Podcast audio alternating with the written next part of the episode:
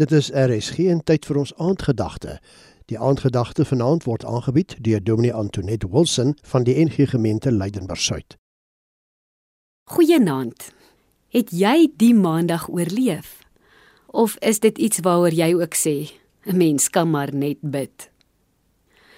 Ons kan maar net bid. Sê baie wanneer mense oorweldig raak deur uitbeheer omstandighede. Maar hoe en wat bid ons in 'n tyd soos nou? Toe die disippels gewonder het wat hulle moet bid, toe hulle uit beheer uitgevoel het, het Jesus hulle geleer om die Onse Vader gebed te bid. Luister na Matteus 6 vers 9. So moet julle bid. Ons Vader wat in die hemel is. In sy aanhef, ons Vader, verklap Jesus reeds 'n paar dinge. Gebed begin altyd by God. Maar nie 'n ver God nie.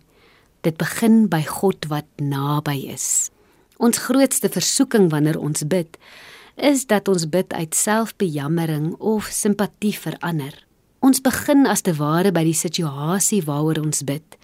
En aan die einde van die gebed is ons nog meer moedeloos as voor ons begin het.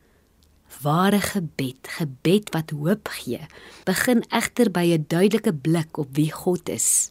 Jesus leer ons: God is naby. Hy is lief. Hy is soos 'n pa wat meer vir ons omgee as wat ons ooit kan bid of droom. Wanneer jy bid, kan jy weet jy is God se. Hy is vir jou. Deurdat Jesus mens geword het, het hy ons vir jou en vir my laat deel in die intieme verhouding wat daar tussen God die Vader, God die Seun en God die Heilige Gees is. Daarom noem hy God ons Vader. Wanneer jy wonder wat jy kan bid, herhaal sommer maar net die aanhef woorde van die gebed wat Jesus bid. Ons Vader.